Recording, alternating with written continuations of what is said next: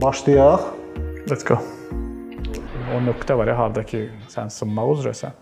Bil ki, o nöqtə həyatının ən önəmli nöqtəsidir. Orda sınma hər şey hər şey düzələcək. Mən dünyanı dəyişəcəyimə inanıram. Futbolu Premyer Liqada oynaya bilirəmsə, niyə bir Azərbaycan liqasında oynamaq istəməliyəm? Ermənistan necə olacaq onu bilmirəm, soruşma. o vaxt inşallah. Məmurla söhbət elədiyimiz zaman dedi ki, Azərbaycanda pullu adam çoxdur, mənə dedi. Mənim ona cavabım oldu ki, Şadlıq sarayı və kafe tikməyə hə, amma startapa pul qoymağa yox. Layihəyə 1.2 milyon dollar amerikanlılar verdilər. Bu tip layihələr üçün tələb olunan sərmayəçilər Azərbaycanda yoxdur. Elon Musk burdadırmı? Yox arvad elədi ki, ondan qaça-qaça. Orada belə qaçaq öyrənmişəm. Ora zarava da ki, ay elə arvaddırsa başa düşürəm səni. Yəni ki, bəli, mənim xaricdə təhsilimin, xaricdə yaşamağımın böyük rolu olmuşdur. Putinin stolu kimi stolunda yox idi. Bəlli şərait yaradılmış olsaydı ölkəmizdə biz də Tinkoff ola bilərdik. İsmayılzadə Fərid Şahidoğlu 1984-cü ildə Şəki şəhərində anadan olmuşdur. Məktəbi ingilis dili gimnaziyada oxumuş, bakalavr dərəcələrini isə Türkiyənin Bilkent Universitetində beynəlxalq münasibətlər üzrə, ABŞ-ın San Jose State University isə biznesin idarə edilməsi üzrə əldə etmişdir. Ada Universitetinin və Master School of Management birgə proqramında isə MBA üzrə magistr dərəcəsini almışdır. NETI tərəfindən ilin IT adamı East Young tərəfindən isə ilin innovasiya üzrə iş adamı mükafatlarına layiq görülmüşdür. Hal-hazırda Texnovet Investment şirkətinin qurucusu və prezidenti kimi fəaliyyət göstərir. Azərbaycanda startap mədəniyyətinin inkişafında fəal iştirak edir. Hal-hazırda ABŞ-da yaşayır. Ailəlidir, 2 övladı var.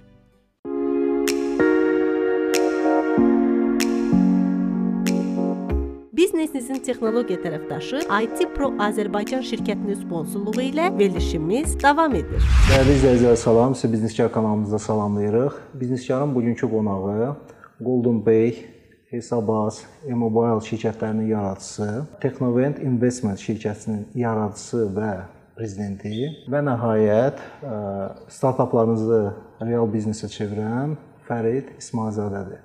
Fərid bəy, xoş gəlmisiniz. Çox sağ olun. Fərid bəy, sadalığımız mövzulara detallı hamısına bir-bir toxunacağıq. Belə deyək də, populyarlığından asılı olmayaraq istənilən gələn qonaq, bizdə bir adət-ənənə var da, gələn qonaq özünü izləyicilərə təqdim edir. Fərid İsmayılzadə kimdir? Fərid İsmayılzadə hal-hazırda Amerikada yaşayan 3-4 il bundan əvvəl Azərbaycanda fəaliyyət göstərən iş adamıdır. Startaplarla məşğuldur əsasən hal-hazırda və Golden Pay hesabaz və iMobile startap hesab edərəksək, e, vaxtilə də startaplarla məşğul olmuş. Ölkəmizdə belə də evində başladığı bir layihəni e, axıra çatdırıb biz ona exit deyirik də, yəni ki, satışa qədər sata başqa başqalarına sataraq belə deyək də o layihənin ən pik nöqtəsi sayılır adətən. O pik nöqtəsinə gətirmiş bir iş adamıyam. E, ailəliyəm. Belə deyək də, səyahəti çox sevirəm. 78 ölkədə olmuşam. Hər il 10 təcə ölkədə oluram. Belə ə, çalışıram maksimum maraqlı yaşayım həyatı. Çox vegetarianam, ət yemirəm. Ə, sonra nə deyim sizə maraqlı şeylərdən. Ə, planetin qorunması mənim üçün çox əhəmilidir. Elektrik avtomobil sürürəm. yəni bu tip şeylər mənim üçün maraqlıdır. Yəni ə, indi də çalışıram Azərbaycanda ə, və bölgəmizdə, Gürcüstanda və bu yaxınlarda Mərkəzi Asiyada da çox güclü startapları işləyərək onları onları ayağa qaldırmağa çalışıram. Gəlin belə danışaq. Baxın Fərid bəy, karyeranızı başlayanda, hələ başlamamışdan da qabaq da, yəni təhsilini siz burada almamısınız da, xaricdə almısınız? Bəli. Amerikada. Türkiyə və Amerika. Türkiyə və Amerikada. Baxın, bu təhsil təhsiliniz ümumiyyətlə necə təsir göstərdi sizin bu gələcək karyerada? Məncə orada game changer, yəni mənim həyatımda o dəyişiklik nöqtəsi 98-ci ildə valideynlərimin məni İngiltərə ingilis dili kurslarına göndərməyi olub. O zaman mənim 14 yaşım var idi. 84-cü ildə mənim 14 yarım idi yaşım. Və və mən 98-də getdim, yəni və bu mənim üçün böyük bir dəyişiklik oldu. Tək idim, yalnız getdim, düşdüm aeroportdan, və getdim Oksforda 3 ay orada oxudum ingilis bir ailədə qaldım və 14 yaşında 14 yaşımda və 3 ay ərzində ingilis bir ailədə qaldım. Bu əslində qalsa ingilis dilini təkmilləşdirmək üçün getmişdim, amma elə alındı ki, Mənə gəlir ki, bu xarici e, yanaşma, yaradıcıram ailələr, xarici düşüncə tərzi, xarici ə, o sərbəstlik və s.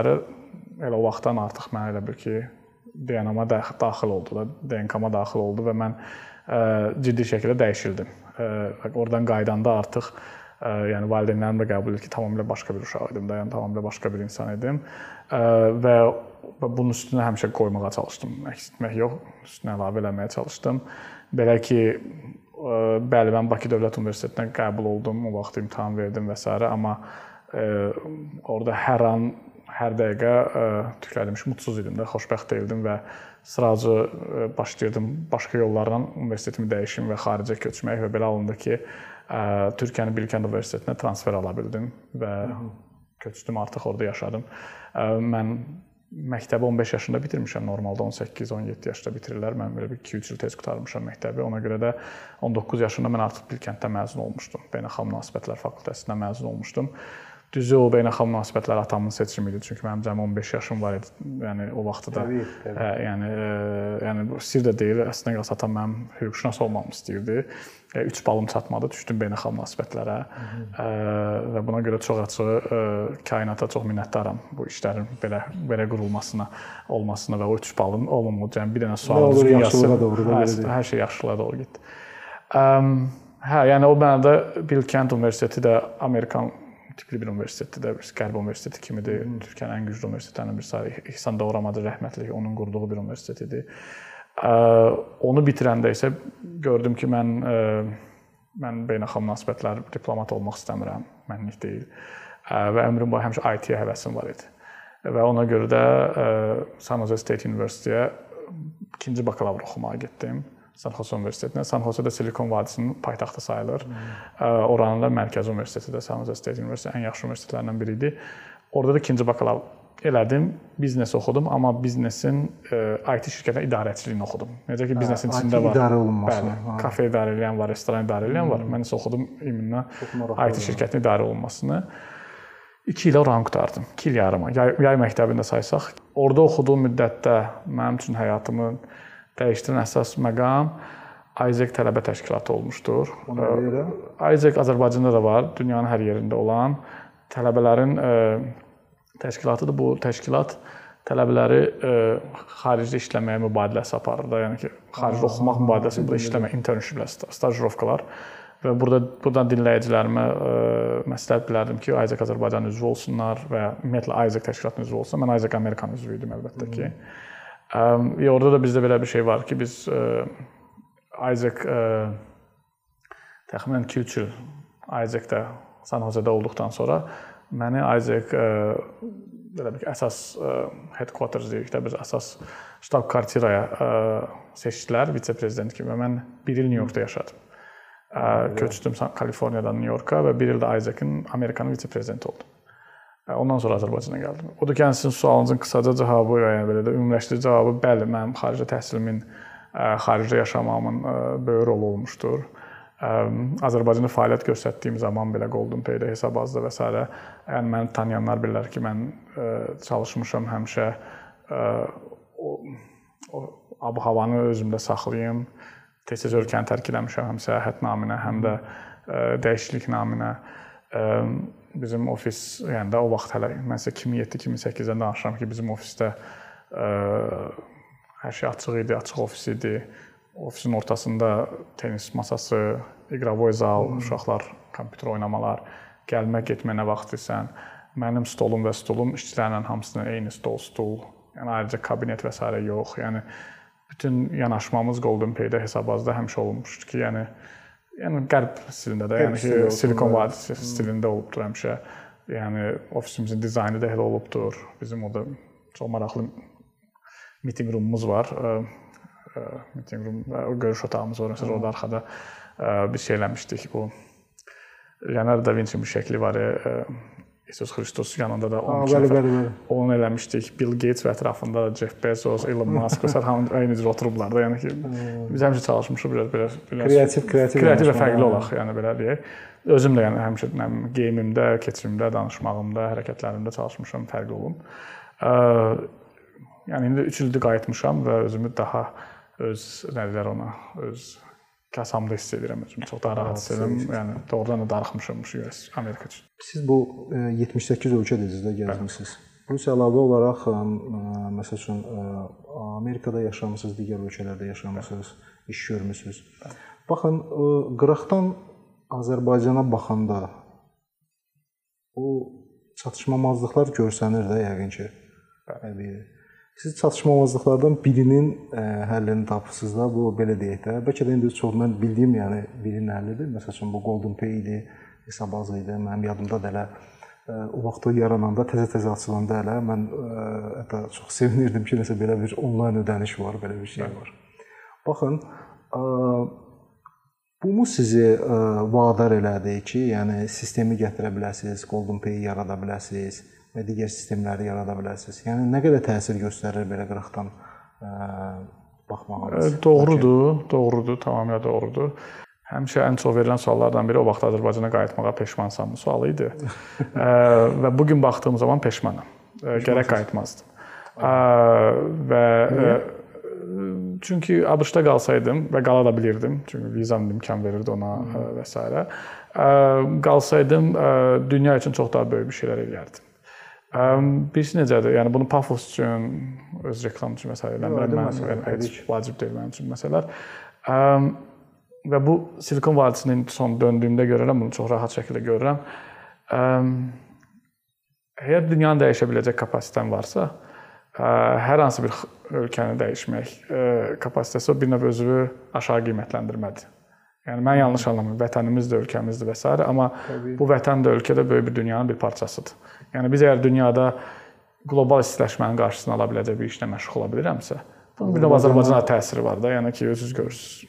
Buradakı istiliklər və ya soyuqluqlar, havanın dəyişimi və s. Yəni odur ki, yəni belə şey, yəni dünyada yoxsulluğun qarşısını ala bilirsənsə, Azərbaycan da daxildir onun üçün. Dünyada həm təhsili fantastik şəkildə yeniləyə bilirsənsə, deməli Azərbaycanda da təhsil təhsil edə bilirsən və s. Yəni o mənada peşmanam ki, yəni mən orada qalsaydım, mən hesab edirəm ki, daha böyük bir işi həyata keçirmiş olardım. Çünki Azərbaycana gəlib 12 ildə gördüyüm iş, bəli, Azərbaycan üçün böyükdür o mənada ki, ölkəmizdə onlayn ödəmə yox idi. 2007-ci ildə hamı zarafatla qarşılayırdı ki, kimdir bizdə ödəniş edən kart var, yəni indiyəcən hər bir söz qulağımda bir sırğa kimi hələ də durur. Yadımdadır. İnsanlarına qədər necə zarafata salınırdı bu söhbətlər, lağa qoyulurdu.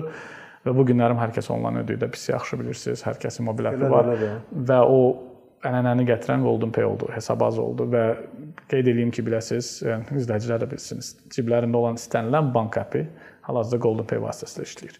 Yəni bu günlərim hər hansı bir bankın ödəniş girib orada işığı, qazı, suyu və s. ödəyirsinizsə, bilin ki, ona görə ödəyirsiniz ki, Golden Pay var. Yəni Golden Pay üzərindən keçir. Bəli, çoxları artıq hesabaz istifadə eləmir, mən bunu bilirəm. Çünki hesabaz banklarla rəqabət apara bilmədi. Çünki özü bank olmalı idi və təəssüf ki, bu imkan yaradılmadı.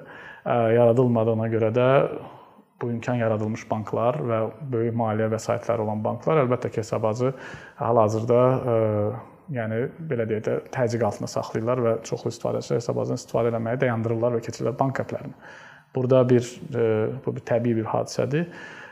Bu başqa cür ola bilərdi. Yəni bəlli şərait yaradılmış olsaydı ölkəmizdə biz də Tinkoff ola bilərdik, ya da Hesabaz bank ola bilərdi və tamamilə digital bank ola bilərdik. Yəni bu gün bildiyiniz digital banklar kimi bizim özümüzdə bank ola bilər. Təəssüf ki, o şərait yaradılmadı, biz də ola bilmədik. Biz o şəraitin yaradılması çox çalışdıq, yaradılmadı və mənim açığı burdan biraz getmə səbəblərindən biri də belə şeylərdir ki, yəni bəlli istədiyim nəticələr əldə etmək üçün bəlli bir imkanlar olmadı. Ona görə getməyə vaxtı çatmışdı da belə deyim. Və və bu dəqiqə istənilən appdə də istifadə edirlərsə bilsinlər ki, Golden Pay var deyə istifadə olunur. Golden Pay ilə bağlıdır yəni, da birbaşa. Bəli. Amma indi məsələ belədir ki, yəni hə, bu böyük bir ölkəmiz üçün böyük bir şey sayıla bilər. Bizim sektor üçün xüsusən böyük bir şey sayıla bilər, amma dünya üçün bir şey deyil də, yəni özü başa düşürsünüz. Təbii, təbii. Şey. Yəni çox təbii. balaca bir ölkənin balaca bir ödəmə sistemindən gedir söhbət. Mən Allah'a şükür ölkəmiz adına elə bu dəqiqədə elə bir şeylərdən yapışmışam ki, hazırda o dünyanı dəyişmək qlobal qlobal məsələlərdir. Dünyanı dəyişmək üçündür qlobal istiləşmənin qarşısını almaq üçündür. İnsanların planetlər arası belə məxluq olması üçündür, yəni planetlər arası. Ya yox, yəni biz Orada da yaşayaq, burada da yaşayaq da. Yəni ki, nə bilim. Niyə də yoxdur? Hə, da o Elon da, ə, Musk'ın da bir arzusudur. O ilə bağlı layihələr var. Yəni elə layihələrdir ki, tutduğu zaman dünya dəyişəcək və əlbəttə ki, bu bizim ölkəmizə də təsir eləyəcək və ölkəmizin bir nümayəndəsi kimi də ümid edirəm mən də ölkəmizin fəxri ola biləcəyəm, yəni qlobal aləmdə fəxri ola biləcəyəm, qlobal aləmdə ölkəmizə başqa şəkildə dolayıcı olan müsbət təsirlərimiz olacaq. Belə deyim Fərid, siz məsəl üçün düzdür, belə elədiyiniz işləri biraz kiçiltməyə çalışırsınız, amma həqiqətən böyük işlər görürsüz Azərbaycan üçün. Yəni öz adımdan təbii ki, təşəkkürümü bildirirəm ona. Həm də ki, demək istəyirəm ki, yəni hər bir startap hansı ki qaldırmısınız, həqiqətən uğurlu olub, həqiqətən bir yerə gəlib çatıb. Uğursuzlar da var. Hə, uğursuzlar da var. Bəli, Biz onu bəli. bilmirik təbii ki, uğursuzları. Bil, bilmirsəm onlar barədə danışmaq lazımdır. Danışarıq, onları Bəli, mütləq danışarıq. İnsanlar bilməlidir ki, belə O olur. Technovet Investment də e, şirkət hansı ki, bu şirkət məhz bu işlərlə məşğuldur, startaplarla məşğuldur. Mən düz başa düşürəm. Technovet Investments bir ə, Amerikada qeydiyyatdan keçmiş bir şirkətdir. Hansına ki, bəlli bir vəsaiti var. Həmin o vəsait 4 Azərbaycan startapı, bir Gürcü startapı, indi bir neçə də ə, Mərkəzi Asiya startapına sərmayə yatıraraq onları qloballaşdıran ə, bir şirkətdir, belə deyim sizə. Baxın, gəlin belə danışaq. Deyirsiniz, e, bax məsəl üçün gəlin e, bir bir heç olmasa bir iki uğurlu startapdan danışaq və uğursuzlardan danışaq və niyə niyə uğursuzluğa uğursuzluq baş verdi? Uğur uğurlar ə, yəni Golden Var hal hal-hazırda, yəni yəni belə real. yəni yox, ə, belə deyim də, ə, hal-hazırki portfolyomuzda hələ ki hər şey qaydasındadır, yaxşı gedir. Amma yəni onlardan bir neçəsinin uğursuz olacağına ə, gözləniləndir. O da normaldır. Yəni bizim startap məsələsi elədir ki, burada çox normaldır ki, yəni uğursuz olasan və uğursuzluqlar uğurun təməlidir. Yəni uğursuzluqla zaman o qədər şeylər öyrənirsən ki, o səhvləri eləməyəsən deyə. Ə, məsəl üçün uğursuz layihələrdən mən indi yəni keçmiş şeylərdən fikirləşdiyim deyim sizə. Məsəl üçün Silverkey Technologies deyə bir şirkətim var idi. Azərbaycanda veb saytlar düzəldirik, saytlar düzəldirik və s. O mənim şirkətim idi.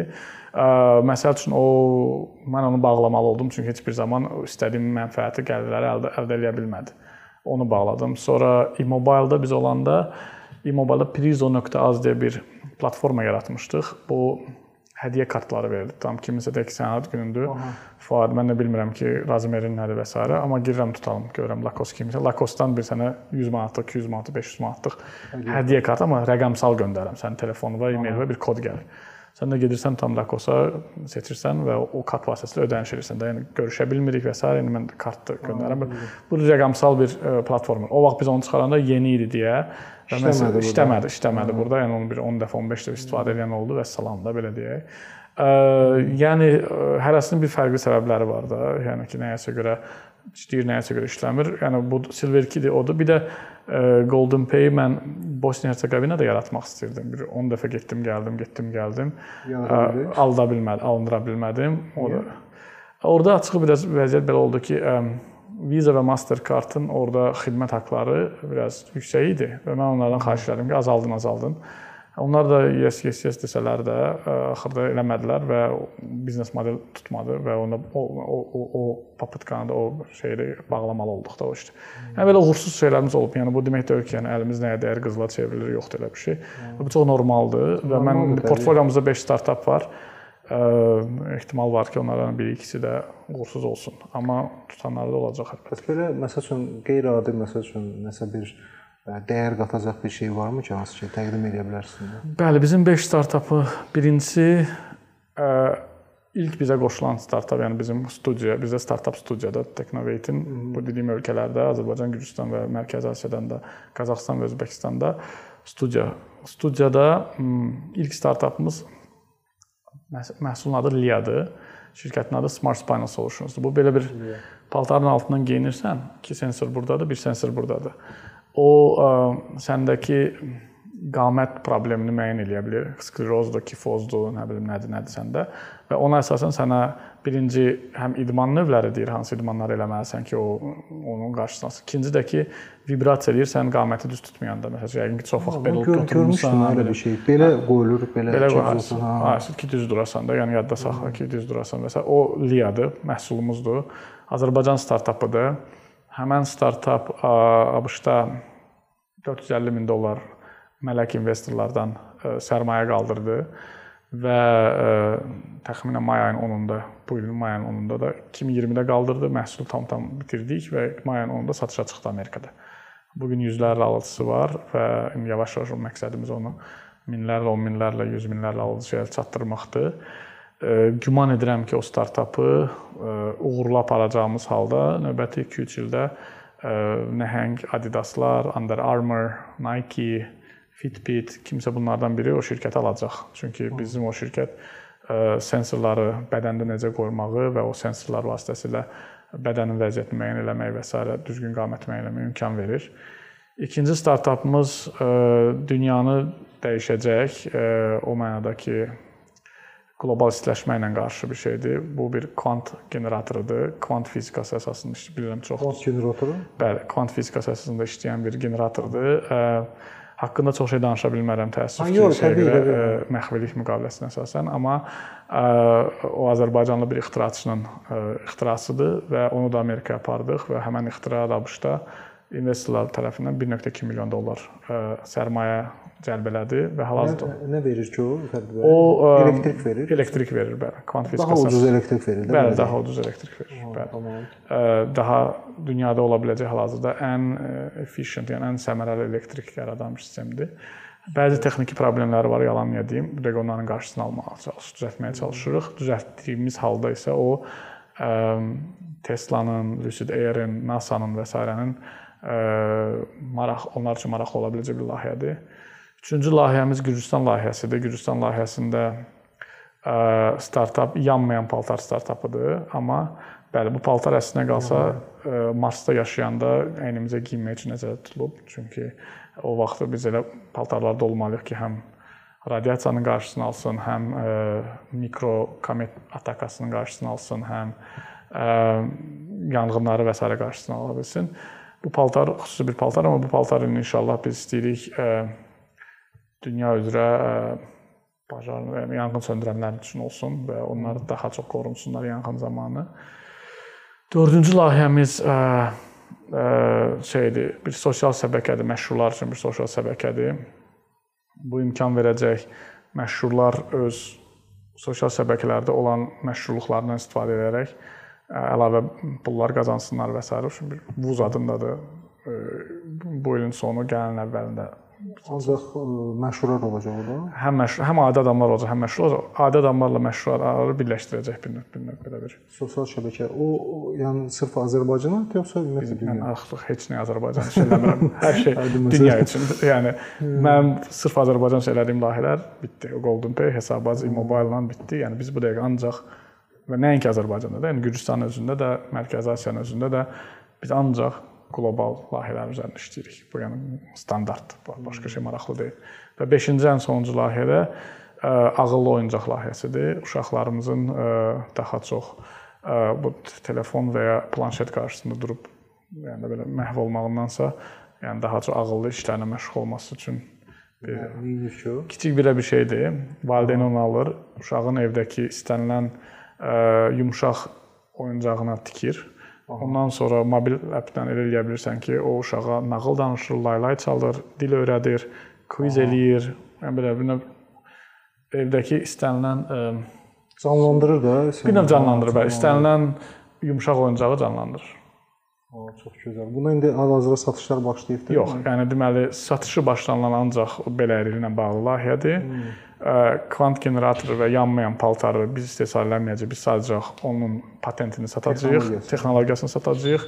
O hələ ora çatmayıb. Təxminən ilin sonu gözlənilir ki, biz artıq Tesla ilə, NASA ilə və s. ilə danışıqlara girək bu maya bağlı. Hı. Oyuncaq gəlin gələn ilin ortası, gələn ilin əvvəli də, bu ilin sonu gələn əvvəli də o sosial şəbəkə çıxır. Fərid bəy, baxın, İzləyicilərə ümumiyyətlə necə izah, izah eləyə bilərsiniz də? Yəni bu startap nədir? Startap bir innovativ ideyadır. Hansısa bir problemdir. Onu sən innovativ şəkildə həll etməyə çalışırsan. Həmin innovativ ideyanı ideya mərhələsindən biznesə çevrilənə qədər olan şeyə startap deyirik bu qədər. Yəni adi deyək də 2007-ci il Azərbaycanda heç kim internetdə ödəniş eləmir. Sən deyirsən ki, mən istəyirəm insanlar bunu şeyini ödəsin. Sayta girib saytda ödəsinlər. Bu boşluğu görürsən. Çünki qərbdə belədir. Bu kopya startapdır da. Yəni ki, yəni o Golden Pay qərbdə artıq istifadədə olan hansı bir ideyanın kopyasıdır. Yəni təzə bir şey yoxdur. Kvant generator tamamilə təzədir. Dünyada təzədir. ya, Yəni dünyada yəni bunun başqa heç kimdə yoxdur və ya ağıllı oyuncaq dediyim şey dünyada yenidir və ya sosial şəbəkə dünyada yenidir. Amma Golden Pay yox. Golden Pay kopyadır. Amma yenə də Azərbaycan üçün startapdır. Niyə görə? Çünki Azərbaycan üçün innovasiyadır. Düzdürmü? Adamlar nətər ödəyirdi o vaxtda? Gedirlər poçta, banka, nağd çəkimlə ödəyirdilər. Heç kiosk belə yox idi. Sonra biz kiosk çıxdı, kiosklar.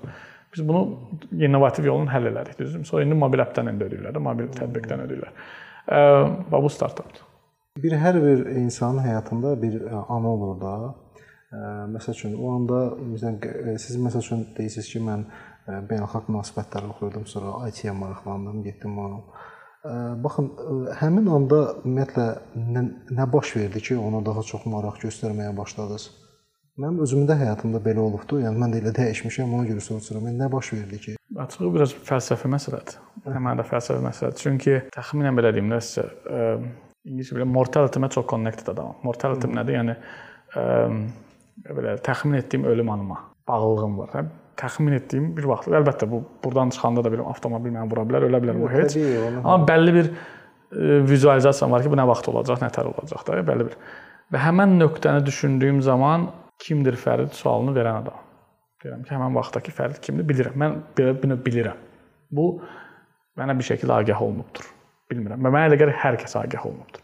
Prosta o o o dərəcə dərinə getmək lazımdır özündən ki, o o o, o Fəridi, o Fuadı tapasan.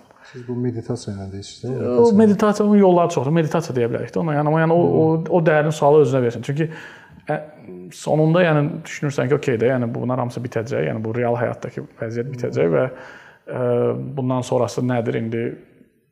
İslam dininə inananlar cənnət və cəhənnəm düşünür, başqa dinə inananlar reinkarnasiya düşünür. Yəni hər hansı bir düşüncəsi var, hər hansı bir və buna biz full hörmət edirik də. Yəni ki, Təbii, təbii. Ə, mən o nöqtəni düşünəndə o Fərid o finaldakı Fərid, də, final son nöqtədəki Fərid düşünəndə mən baxıram ki, mən həyatım ona əsasən qurulur. Elə bil ki, bir növ puzzle-dır da, elə bil ki, oyun var elə şəkilləri yığırsan. Ona əsasən yığılır. Və həmin o yığılma nöqtələrinin içində çoxlu nöqtələr var ki, həmin nöqtələr bir yerə gəldiyi zaman hara getdiyini görə bilirsən. Mən izah edirəm. Məsəl üçün deyim sizə. Ə, 98-ci ildə İngiltərəyə getmək. Məndə Azərbaycanı tərk eləmə eşqi yaradır. Bakı dövlətə girirəm, 3 balım çatmır. Düşürəm biraz aşağı, bəlkə də beynəlxalq münasibətlər. Beynəlxalq münasibətlərdə olduğum zaman alman dili seçmişdim öyrənməyə, çünki ingiliscə əzbər bilirdim. İngilis dili gimnaziyada oxumuşdum. 3-cü dil kimi, 4-cü dil hətta ə, alman dilini seçmişdim də. Alman dilində beynəlxalq BDU-da beynəlxalq münasibətlər ə, şöbəsi yaradılır. O vaxt Abil müəllimin vaxtında. Ora alman dilli bir adam tələb olunur. Mənə namizədliyim verilir ki, bu uşaq alman dilli gedir. Yəni qırılma nöqtələrini deyirəm də təxminən qısaldıb deyəcəm sizə, zip olunmuş şəkildə deyəcəm sizə. Orda məsəl üçün Al alman dili məsələsində elə olur ki, mən başqa universitetə qəbul olmaq istədiyim zaman orada İlqar adında oğlan var idi, hansı ki, məndən əvvəl orada alman dili məsələlərinə baxırdı. O mənə Bilkənd barədə deyir. Mən Bilkəndə gedirəm. Bilkənddə oxuduğumda, Bilkəndə bitirə-bitirdə xaricdə Amerikadan bir dənə qız var idi, orada bizdə tələbə idi. O mənə San Jose barədə deyir. Mən gedirəm San Jose-yə. San Jose-ni bitirəm. Yəni görürsüz, yəni hər şey bir-birinə belə ki, o nöqtələr çoxdur da və bunlarda mən sizə onlarla saya bilərəm ki, həyatımda anlar olub ki, həmin anlar o şeyləri dəyişdiriblər. Və sizə bir də maraqlı bir şey deyim, izləyicilər üçün maraqlı olsun. Çox belə anlar uğursuz kimi görünən anlar olubdur. Həmin an üçün. Və ayaqda bərk durmadığın vaxtı ə, sına biləcəyin, depressiya düşə biləcəyin, diz çökə biləcəyin anlar olubdur. Ə, Mevlana'nın bir qəşəng sözü var, o ilə bağlı deyir, o, o nöqtə var ya, harda ki sən sınmaq üzrəsən. Bil ki, o nöqtə həyatının ən önəmli nöqtəsidir. Orada sınma hər şey hər şey düzələcək. Sonradan hadisələr elə gətirib ki, mən həmin o sınma nöqtələrinə çox minnətdar olmuşam. Demişəm yaxşı ki, həmin anlar oldu. Məsəl üçün adi bir şey deyim də sizə. Bir zaman kvant generatorun Azərbaycanda çox-çox varlı adamdan mən 150 min dollar ə, vəsait cəlb eləmək istəyirdim. Onun üçün 150 min dollar heç nədir. Həmin adam vermədi. Və adam məni çox yaxşı tanıyırdı, çox yaxın adam idi və s. bildiyi adam və mənə elə gəlir ki, prosta mən demişəm deyə mənə güvənib verməlidir Heç pulu. nə idi. Heç nə idi onun üçün. Vermədi, üstündən 1 ay keçdi. Həmin anda pis oldum. Yan- Yanlış görürəm, yəqin ki, izləyəcək də. Üstündən biraz keçdi, bir neçə ay sonra həmin layihəyə 1.2 milyon dollar amerikanlılar verdilər. Və mən çox minnətdaram ki, o 150 min o vaxt vermədi. Amma həmin anda pis olmuşdum ki, niyə vermədi? Yəni belə anlarım çox. Elə biz nə o universitetə 3 bal girməyəndə, 3 balım çatmayanda pis olmuşdum ki, 3 balım çatmamışdı. Amma bu gün minnətdaram ki, yaxşı ki 3 balım çatmayıb. Onu demək istəyirəm ki, izləyicilər bilsinlər ki, uğursuz nöqtələri var ha. Həmin o nöqtələr onların dönmə nöqtələridir. Ondan qorxmasınlar. Maraqlı olmaqdır. Fərdunda elə çıxır ki, siz belə deyək də, taleyə inanırsınız ki, yəni mənim üçün e, çəkilmiş yoldur da, yəni mən bu yolu getməliyəm. E, mən Yoxsa iki dənə sən şeyə inanıram. da-. Yox, iki dənə şeyə inanıram. Bir bir nöqtənin olduğu, final nöqtənin olduğuna inanıram. Amma nöqtəyə getmə yolunun choice-lar deyirik də buna, seçimlərdən ibarət olduğuna Seçimləri inanıram. özün seçə Seçimləri özün seçirsən, amma nöqtə əvvəl-axır ora gedir. Amma bu fəlsəfi bir şeydir və bunun heç bir sübutum yoxdur. Deməyim ki, sizə nəsə sübutum var, mən nəsə yox, yalan deyirəm, yoxdur. Bununla bağlı mövzularla bağlı çoxlu kinolar da var Netflix-də. Dark kinosu var baxmağa. Türklərin bir serialı var The Gift adı. Ə, yəni yəni bu tip fəlsəfi söhbətlər, yəni paralel dünyalar olsun, reinkarnasiya olsun. İnanırsınız elə məsələn. Bəzi məqamlara inanıram, mən hiss, et, hiss, hiss etmişəm bəzi məqamlarını. Reinkarnasiya məsələn. Ə, bəli, mən şeyin, yəni daha yaşlı bir ruhun, yəni daha gənc ruh, yaşlı ruh bu söhbətlərə inanıram, bəli. Yəni bir neçə dəfə artıq ə, yaşamış olduğuma inanıram. Yəni mən də inanıram, qoşuluram sizə. Azərbaycanda ə, ümumiyyətlə iş görmək istəmədiyiniz barədə dediniz də, yəni indən indən sonra da yəni iş görmək istəməyiniz barədə dediniz.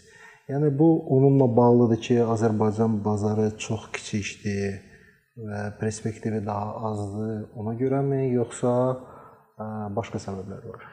Ə, ə, yəni belə baxanda məsələ görmək istəməməmin tək səbəbi, yəni tək bir böyük səbəb var. Yenə də deyirəm, pafosdan kənar olaq. Mən dünya üçün nəsə eləyə biləcəyimə inandığım üçün və dünyanın da sadəcə içində 193 ölkədən biri də Azərbaycandır da belə deyək. Olduğuna görə ə, belə də necə, yanlış, yəni yanlış anlamda nə üçün demək istəyirəm. Yəni futbolu Premyer Liqada oynaya bilirəmsə, niyə bir Azərbaycan liqasında oynamaq istəməliyəm? Yəni bu belə bir şeydir. Yəni o mənada. Amma hesabaza ə, bank olmağa şərait yaradılmadı. Halbuki çalışırdıq ki, olsun da. Məsəl üçün bay- bayaq öncə dediyim məsələyə gəlirik. Uğursuzluqdur da bir növ. Ürəyimdə qalıbdı ki, O bank maliyyə yoxsa Orada maliyyə də var idi, qeyri-maliyyə söhbətləri də var idi. Yəni ki, orada elə bir ki, biz hesabazı bank olaraq görürdük. O vaxt heç bir bankın mobil tətbiqi yox idi. Bizdə 600 min, 700 min istifadəçi vardı və biz bu günlərim bank olsaydıq, mən hesab edirəm ki, heç bir ə, bugünkü rəyinə döyən, döşünə döyən bank ə, hesabaza yəni yaxın belə gəlməyəcəkdi. Çox irəli olacaqdıq. Çox. Onun üçün bizim bank lisenziyamız olmalı idi. Bir bank tərəfindən ya alınmalıydıq, ya bir biz bank almalıydıq, ya da belə bir şeylər olmalı idi. Biz bir Siyana getməlidir, öz kartımızı çıxartmalıyıq, taksit kartları və s. Yəni bu günlərin bu belə deyə də xalq bilinəsə bərk gedən banklar, bərk gedən eləyən nələr var? Taksit verirlər, kredit verirlər, ay nə bilim onu verirlər. Bunu bütün bunlar hamısını biz eləyəcəkdik və ölkənin rəqəmsalından başa çıxan hamı hesabazda oturmuşdu. Yəni çünki biz birinci ilk lokomotiv biz idik. Ona görə biz onları eləyə bilərdik, təəssüf ki, eləyə bilmədik. Yenə gəlirəm sizə. Bu gün baxıram deyirəm ki, yaxşı ki eləyənməmiş. Çox sağ ol ki eləyənməmiş. Çünki o eləməmələr məni vardar elədi ki, okey, burada işlərin bitdiyini anlayım və artıq daha böyük işlərin dalınca qaçmağa çalışım da, yəni və, və ölkəni tərk edeyim və qlobal işlərin dalınca gedim. Yəni o mənada demək istəyirəm ki, yəni Azərbaycanda fəaliyyət göstərmək istəməməyimin ən başlıca səbəbi birinci yerdə, qalan şeylər hamısı ikinci, üçüncü, bəlkə birinci yerdədirlər. Ən başlıcası odur ki, mən dünyanı dəyişəcəyimə inanıram. Mən inanıram ki, mən elə işlər eləyəcəm ki, bunlar dünya səviyyəsindədir. Və yəni bunları eləyə biləcəyim halda yəni və bunlar da onsuz Azərbaycan da bunun içində bir tərkibində bir hissədirsə, yəni buna yəni bunu Azərbaycandan elə eləyə eləmək olmaz. Azərbaycan yox, onlar Azərbaycandan təəssüf Real deyil. Real deyil. Yəni onu onu artıq qəbul eləyin ki, yəni Azərbaycandan dünyanı dəyişə biləcək eləmə ehtimalı çox aşağıdır. Yəni mümkünsüz demirəm. Yəni elə şeylərə inanırıq ki, Allah. Və onsuz da onları elədiyimiz zaman Allah'a şükür ə, Azərbaycanın hesabını eləmiş o. Nə mənada? Yəni bizim bu kvant generatoru kimdir? Azərbaycanlı ixtiraçıdır. Mən hansı pulla bunu layihəyə qoymuş? Golden Pay satdığım pulla. Hardan almışam pulu? Azərbaycandan almışam. Yəni durub da mən Azərbaycanın belə o kəsdiyim, o nə deyirlər, oturduğum budağı kəsməyə, yəni ki, mən durub yəni belə də və mən Azərbaycandan gedəndə də heç vaxt öyle görüb belə pis niyyətlə, nifrətlə, şeylə qayıtmamışam, getməmişəm. Əksinə ə, Yaxşı minnətdaram, minnətdaram, yəni bütün olanlara. Bu gün də hər şey yəni Azərbaycan hesabını edirik də, yəni ki, ə, yanlış amma Azərbaycandan eləyə bilmirik bunu. Fərq budur budur. Azərbaycandan eləyə bilmirik. Niyə? Çünki bu tip layihələr üçün tələb olunan sərmayəçilər Azərbaycanda yoxdur. Bu tip layihələr üçün partnyorluqlar Azərbaycanda yoxdur. Bəlkə də sərmayəçilər var, amma bazar o bazar deyil də, yəni belə E, yox, sərmayəçilərlə bağlı bir maraqlı bir şey bu yaxınlarda bir e, məmurla söhbət elədiyimiz zaman dedi ki, Azərbaycanda pullu adam çoxdur, mənə dedi. Mənim də ona cavabım oldu ki, şadlıq sarayı və kafe tikməyə hə, amma startapa pul qoymağa yox. Yəni e, o yoxdur. Onu da qoyaq, lap tapdım onu. Məsəl üçün bizim bu kvant generatoru layihəsi Tesla ilə inteqrasiya olunmalıdır. Tesla burada bu Tesla var. Yəni maşın Tesla var ya, 3 dənə, 5 dənə, 10 dənə var Bakıda. Elon Musk burdadırmı? Yox. Yəni onun işçiləri burdadırmı? Onun yox. Yəni nəsə qlobal bir şey eləməsi. Deyək layihən var hansı ki, orada Boeing lazımdır sənə. Layihən var orada McDonald's lazımdır sənə. Layihən var Amazon lazımdır sənə. Layihən var sənə Chase Bank lazımdır. Bunlar burada deyil, axı, onlar Amerikadadır. Deməli harda olmasın, onların yanında olmasın. Ona görə də orada olmasın. Yəni bu adi və bu Azərbaycanın da elə, bu yəni Gürcü də olsan belədir vəziyyət. Qazax da olsan belədir vəziyyət. Nə bilim Braziliyalı olsan belədir vəziyyət. Sənin ölkən də yoxdur o kapasiteliyi. Siz Fərid mən niyə soruşdum bunu? Bizim bu yaxında qonaqlarımız oldu. Turan öz bağçası idi. Sonra digər qonaqlarımız da oldu. Onlar ə, mən bu sualı verəndə onlar dedilər, yox, Azərbaycandan məsəl üçün mümkündür çıxartmaq, bir brend çıxa bilər, dünyaca məşhur ola bilər. Yəni bilirsiniz mən ə, mən ona bildirəndə ki, bu sən ə, dediyiniz məsələ, yəni ə, real deyil, ola bilər, ya olsun. Əlbəttə, yəni ola bilər. ola bilər. Heç kim heç nə demir ki, ola bilməz. Sadəcə olaraq, yəni o, yəni onu yaradan insan, yəni şəxsən mən olsam, mən onu niyə burada yaradıram ki onu? Mənim əminliyim olmalıdır, düzdür? Mənim əminliyim olmalıdır ki, mən yaratdığım bir şey həqiqətən mənim olacaq və yaxud da müəyyən bir müddətdən sonra mən onu rahatlıqla satıb devr eləyə biləcəm daha böyük işlər görmək üçün. O da doğrudur, amma heç hələ ona qədər çox çox iş var axı. Hə, ona qədər Hə, işlər. onu var. hələ bilirəm. Onun ə, şey məsələsi hansı ki, məsələn mən startaplar məsələsini araşdıranda ölkədə ə, gördüm ki, həqiqətən ə, çox bərbad vəziyyətdədir. Necə? Ə, yəni potensial var insanlarda. İnsanlarda potensial var, həqiqətən yaxşı məhsullar çıxarda bilərlər. Ə, Çünki bax bizim də bir ə, yaxın bir insan hansı ki, çox yaxşı bir məhsul çıxartmışdı həqiqətən. Yaxşı bir məhsul çıxartmışdı. Biz onu sadəcə olaraq ortaya çıxarda bilmədik. Ortaya çıxarda bilmədik. Bilmirəm, bə, çünki mənim yadımdadır ki, biz məsəl üçün Moskvada olanda xırda hətta hələ mən uzağa getmirəm, Amerikaya getmirəm, Avropaya getmirəm. Moskvada olanda hətta orada nəsə eləmək olurdu. Çox rahatlıqla gedirdi bu proseslər. Bu burada bu maneələr yaranır. E, Bəlkə də indi yavaş-yavaş qalxır o maneələr. Qalxacaq da, yəni gənc e, belə deyək, e, respublikadır, dövlətdir. Ola bilər qalxacaq, amma bu qalxana kimi, yəni bu potensial gənclər axı gedir ölkədən. Axın baş verir. Amma yəni o bizim tək bizim problem deyil, çox dünya ölkələrinin problemidir. O dediyimiz o şərait, mümbit şərait yaradılmayandan sonra o toxumlar məcburdular ki, getsinlər və bunları da maqnit kimi cəlb edən nəhənglər var. Yəni Amerikaya bu günlərim 200 növ miqrasiya olur. Oturaq sənə bir dəqiqə elə sənə elə göndərim Amerikaya ki, heç xəbərin olmasın. Çox rahat mən sənə ən- ən azı 15 yolunu deyirəm sənə bu dəqiqə sənin üçün getməyə rahat. Çox rahat. Yəni niyə? Çünki ölkə elə qurulub ki, Yəni maqnit də bu ölkə deyir ki, yəni dünyanın bütün ağılları məndə işləməlidir. Bütün ağılları mənə işləməlidir. Mənim ölkəmdə işləməlidir və ona görə Şərait şəraiti yaratmışam. Fərqi yoxdur. Ağsan, qarasan, lezbiyansan, nə bilim mən, saçsızsan, saçlısan, burunlusan, burunlusan, fərqi yoxdur qardaş. Gedirsən. Yəni cəlb eləyir özünü. başın işləsin desən. Tək başına işləsin. Tək baş. Və başı işləyənlər üçün yüzlərlə yolu var. Yüzlərlə. Baxın, bu Golden Pay yaratmağa başlayanda onda siz Amerikada qalırdınız yoxsa burada qalırdınız? Yox, burada qalırdım, onu köçmüşdüm artıq Bakıya qayıtmışdım. Hə, Bakı, amma orada qalırdınız, köçmüşdünüz sadəcə olaraq. bura. Yəni yox, mən gəlmişdim, yəni 2007-dən artıq Azərbaycanda işləyirdim. Golden Pay də 2007-nin iyulunda yarandı. Azərbaycana qayıtdım ki, gəlim burada Golden Pay qurum. Bilirsiniz niyə soruşuram? Bax, dünən bir hadisəni danışmaq istəyirəm. Biz toya gedirdik. Ə, mən dedim taksi çağıraq, taksi çağıraq. Bir xanım gəldi taksidə. Düzdür, mən eşitmişdim ki, belə şey var, görməmişdim ki, xanım ə, taksi sürür. Ə, gəldi, danışa-danışa gedirdik və məlum oldu ki, xanım burada qalmır. 3 ay yayı gəlibdi sadəcə olaraq. Sənədlərlə bağlı, başqa məsələlərlə bağlı ə, çox belə imkanlı ə, imkanlı bir xanımdır. Yəni belə deyim, İsveçdə qalırlar, Avropada qalırlar, biznesləri var. Ə, Özü ə, atasının biznesi var, özü işləyir bir yerdə. Ada ki, məsələ qazanır. Və deyirəm ki, niyə də, yəni niyə gəlib İnsanlar məşğul olsan? Deyir ki, ə, siz təsəvvür edirsiniz deyir, biz orada gəlirəm mən hər il, hər şeydə bir 3 ay minimum gəlirəm bura. Gəlirəm bura. Bu şeylərlə məşğul olam, taksidə gedirəm, insanlarla ünsiyyət qururam, danışıram. Biz siz orada deyir ki, hər şey var. Bizim hər şeyimiz var. Pulumuz var. Hər şey az qalmırıq. Yəni gözəl yaşayırıq, hər bir şey. Amma deyir bir dənə ə, xüsusiyyət var ki, bu insanlar insanlarla ünsiyyət şey eləmək olmur. Çox belə söyüqdular belə elə. Həm də ki, həm də ki deyir bura gələndə deyir, bura gələndə deyir mən bir ə, orada- olanda ə, bir Bakının dadını istəyirəm də dadam. O başa düşürəm. dadam, insanlarla danışam. Ba- başa düşürəm. Yəni bu yəni belə hisslər hisslərə qapılıb məsəl üçün insanlar ə, gəlir bura.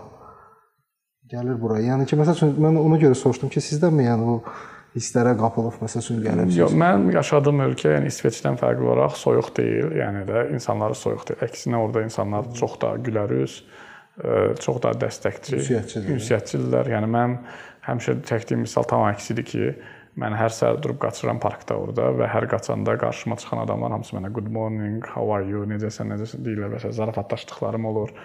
Ə, hətta bir zarafatım var ki, o ə, bir də bir dəfə bir qoca yaşlı əl-ələ tutublar, bir 60-70 yaşları gəlir. Görürlər ki, mən 3 dəfə bunların başına fırlanmışam da parkda. Hər dəfə də görən salam salam baxır, maşallah yaman qaçsın dedim eşi. Arvad elədi ki, ondan qaça qaça. Orada belə qaçmaq öyrənmiş. o da zarafat edir ki, "Ay, elə arvaddırsa başa düşürəm səni. Yəni ki, e, yəni belə yəni o zarafatlaşma və s. yəni bizim Amerikada, Kaliforniyada, Amerikanın hər yeri fərqlidir biləsiz. Yəni New Yorkda sifətlərindən zəhrimar yağar, nə bilim nə, amma yəni Kaliforniya mən biraz günəşli olmağından və s. hava bilirsiniz 360 oranı 360 günü günəşli keçir. Təsir eləyir, hə. Təsir verir. İnsanlar daha xoşdur, pozitivdir, gözəldir. Ə, yəni tək odur ki, mən o o, o xanımdan fərqli olaraq ə, mən o hissləri ehtiyac duymuram. Yəni ona görə də ə, amma yəni ünsiyyət başqa. Məsəl üçün mənim üçün taksidə olmaq ə, normal insanları anlamaq üçün çox çox imkan verir. Məsəl üçün o taksi ilə bağlı mənim əhvalatım odur ki, o vaxt Golden Pay rəhbərlik elədiyim zaman bilirsiniz o o Golden Pay-də ofisdə oturub kabinetdə oturursan, kabinetdə də öldü, düzəməli də belə də açıq bir şüşəli bir şeydir, yəni çünki kabinet Akvarium kimidir. Hə, bu Azərbaycan ə, şey iş adamlarının kabineti kimi demək istəmirəm. Yəni yekə uzun-uzun belə bir şeylər də öldü. Ə, Putinin stolu kimi stolunda yox idi. Yəni o orada mən məsələn cəmaatla ünsiyyət olmağı xoşlayırdım və onlar bilmək istirdim ki, nədir də, nədir. Çünki məsələn hansısa bir marketinq kampaniyası fikirləşirsən, düşünürsən ki, belə də hə 100% tutar və s. amma gedib ünsiyyətdə olmaq, yəni o mənada mən çox da tez-tez taksilərdə gedərdim. Yəni sürücüm olmağına baxmayaraq, maşınım olmağına və s. baxmayaraq mən çal- çalışardım belə elə şeylər eləyərdim. Görüm cəmaatın nə maraqlı. Metroya mindiklərim olardı, avtobusa mindiklərim olardı. Yəni mən də oradan başqa belə də ə, şeylər götürərdim. Belə, amma yəni mən o xanımdan fərqli olaraq bura gəlmək mənim üçün çətindir, tam səmimi deyirəm. Yəni mən hə, mən yəni ə, mən orada olmağı xoşlayıram. Orada olmağı xoşlayıram, orada fəaliyyət göstərməyi xoşlayıram. Amma yəni də ə, yəni olanda da nə lazımsa eləməyə hazırlıq edirik. Burada olanda da. Ə, belə deyək Fərid, bax ə, sən indi ha- hal-hazırda bu arzuladığın həyatı yaşayırsan, Bəli. Tamamilə. tam istədiyin həyatda. Bəli, tamamilə. Yüzün yüzü. Nəsə əlavə olacaq ona yoxsa Ə, əlavə olacaq deyəndə ki, yəni ranking baxımından ilk öncə yəni məni xoşbəxt edən nədir? Öz sağlamlığım. Çünki ya yəni adamın bir balaca qızdırması olanda belə artıq yəni fəaliyyət imkanı və s. çox limitlənir də. Yəni hələ ciddi Allah göstərməsin bir sağlamlıq problemi olanda vəbsə odur ki, yəni sağlamlıq sevdiklərin sağlamlığı çünki onların ə, onların sağlamlığı ola biləcək bir prosesin verdiyi pain dedikdə bir ağrı, ə, mənəvi ağrı. Ola bilsin fiziki olaraq onu anlamırsan, çünki o onun yaşadığı ağrını hiss eləmirsən, amma mənəvi ağrısız. Bu iki şey olmadıkdan sonra üçüncü yerdə karyera və pul və ə, onunla eləyə biləcəyin işlərdə belə deyək, xeyriyyəçilik olsun və ya qeyri-xeyriyyəçilik olsun, onunla bağlı eləmək istədiyin şeylər. O baxımdan da yəni çox sevdiyim işlə məşğulam. Yəni startap, innovasiya, yenilik, dünyanı dəyişmək. Yəni bu yəni mənim hər bir molekulum bu hissləri yaşayır. Yəni də belə deyək, o çox sevdiyim şey. Çox sevdiyim bir ölkədə yaşayıram, çünki ə, həmin ölkədə bu tip adam üçün, bu tip işləri görmək üçün hər cür şəraitin yaradıldığı bir yerdir. Ə, sonra nə deyim? Yəni və bundan sonra nə olacağını da bilirəm. Yəni bundan sonra mən bilirəm ki, görəcəyimiz işlər dünya üçün çox önəmli olacaq. Və bu işlərin nəticəsi olaraq da biz həm maddi olaraq, həm mənəvi olaraq böyük resurslara sahib olacağıq və onları da yenidən təzədən daha böyük işlərə, daha yaxşı işlərə geri verəcəkdir. Yəni bilirəm ki, bunlar olacaq. Bu sahəniz indi hal-hazırda gördüyünüz işdə başqa məsəl üçün belə bir sahə var ki, hansı ki, ona məsəl üçün investisiya qoyursunuz. Yəni startaplardan başqa da və texnologiyadan başqa. Yox, yoxdur, amma ə, Nəsə hobbi deyək, hansı ki, belə şey eləyirsiniz. Hobbi kimi mən ancaq yəni ə, səyahət sevirəm. Yəni də bayaq dedim ki, 78 ölkədə olmuşam. Hər il 5 tır təzə 10 təzə ölkədə oluram. Çalışıram olum. Bu biraz açıq Azərbaycan pasportla çətinləşməyə başlayıb çünki artıq çox ölkəyə viza tələb olunur bizim pasportla. Ona görə də indi Amerikan pasportumu gözləyirəm tezliklə ondan sonra. Hələ almamısınız? Yox, amma az qalıbdır. Onu alandan sonra daha sürətli hmm. səyahət edə biləcəm. İndi çox çətindir. Hər yerə viza tələb olunur və s. Amerikan pasportundan daha çox daha rahat olacaq bu. Yəni mən o sürəti artıracağam çox kimi. Çünki 50 yaşımı tutduğum qurtarmalıyam. 190 ölkənin hamısını görməliyəm. Belə bir ambisiyam var. Ermənistan necə olacaq onu bilmirəm, soruşma. o vaxtda inşallah, o vaxtda inşallah bunlar mümkün olar deyə düşünürəm. İnşallah, inşallah. Belə, bir də avtomobilə qarşı ə, zəifliyim var. Yəni belə deyim, ev, paltar geyim, ə, lüks həyat tərzinə qarşı heç bir şeyim yoxdur. Yəni heç maraqlı deyil. Nə brendlər, nə paltarlar. Avtomobil ən yaxşısı. Amma bir dənə avtomobil ə, ən yaxşı deyəndə ki, ə, hə, mən yəni belə də elektrik avtomobilləri xoşlayıram və orada yəni ki, ola bilsin ki, yəni kolleksiyam olsun, yəni belə bir kolleksiya. Lüks kimi, lüks formada. Lüks önəmli deyil, yəni mən biraz adrenalin sürət xoşlayanam. Aha. Yəni mən bu dəqiqə növbəti mərhələdə bu Tesla-nın Roadster çıxır 2023-24-də. Bəli, bəli. Hansı ki 1.1 saniyə sıfırdan 100-ə yığa bilir də. Bax o maşın hələ ki hədəfdir də, yəni ki o o cür sürət və s. Yəni ona nəsə ona əvvəlcədən mən səhv eləmirəmsə yazılmaq lazım idi Bəli, ona əvvəlcədən yazmaq. Amma biz ona qədər İlonla şəxsən dostlaşacağımızı düşünübdük. Hesab edirəm ki, oradan yazılmadan İlon İl Azərbaycan barı görüşməli və sıradan biraz daha bir dənə bir aradan bir dənə maşını bir dənə verərdim də. Çox super. Baxın, bu Amerikaya işləməyə gedəndə, məsələn, sizdə gənclər də biz görürsüz indi işləməyə gedəndə, yəni siz ora gedəndə green cardla getmisiniz yoxsa Məndə lotereya deyildi. Mən green cardın özünü almışam. Onu da alma səbəbim iz, izləyicilər üçün də maraqlı olar. EB1A deyə bir status var. EB1A status bu extraordinary business person, yüksək səviyyəli iş adamlarına verilən bir şeydir. Aha. Amma mən Azərbaycanda çox adamın ona layiq olduğunu bilirəm. Mən rahat onu ala biləcəyini bilirəm, ala bilərlər də. Prosta bilmirlər bu barədə. Bayaq dediyim kimi də 200-dən çox yol var. Otursaq danışsam hamısını deyə bilərəm də. Yəni ki, o yolla getmişəm. Cəmi 10 gün ərzində mən və bütün ailəmə green card verildi. Cəmi 10 gün ərzində. Heç onun mənim green cardlıyıq belə. Green cardlıyıq. Çox maraqlıdır. Çünki çoxu getməyə çalışır, oynayırlar bu green card oynayırlar. Lotereyada oynayırlar. O başqa, o bəxtəbəxt düşdü, düşdü. Bizdə bəxtəbəxt deyildi bizdə, yəni ki 400 səhifəli bir sənədləşmə oldu. 3 ay üzərində işlədik. Amerikan dövləti miqrasiya xidməti hesab etdi ki, mən belə deyək də Amerikaya layiqliyəm belə deyim. Ona gedirəm, o ölkə maqnitdir. Ölkə tək mən yox, başqa bu tip statuslarla adamları özünə cəlb etmək üçün hər cür şərait var. Yəni o həmin o statusda Nobel mükafatı həmin qrin kart ala bilər. Həmin o statusda ə, yəni Oskar mükafatı həmin qrin kart ala bilər. O həmin o status İctimai şəxslər də ala bilər də mən ictimai şəxslər var. Yəni hamı, yəni belə də o statuslar. Yəni sən təki o ölkənin topunda olasan da ilk 5-liyində, 10-luğunda olasan öz sahən üzrə.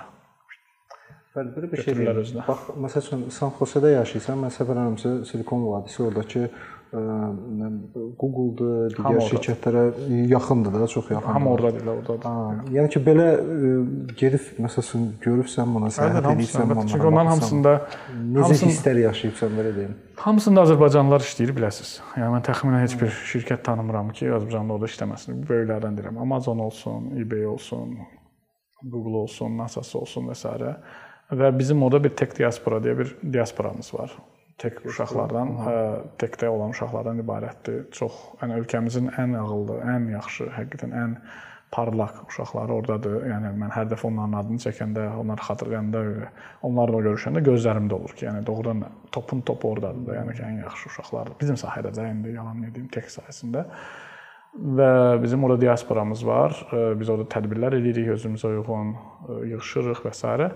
və onlarla əlaqən olduğun zaman istənilən birinə girə bilirsən də qonağı kimi. Məsələn, gəlirsən Google-da işləyən oğlandır tam, Bəxtiyar orada işləyirdi vaxtilə.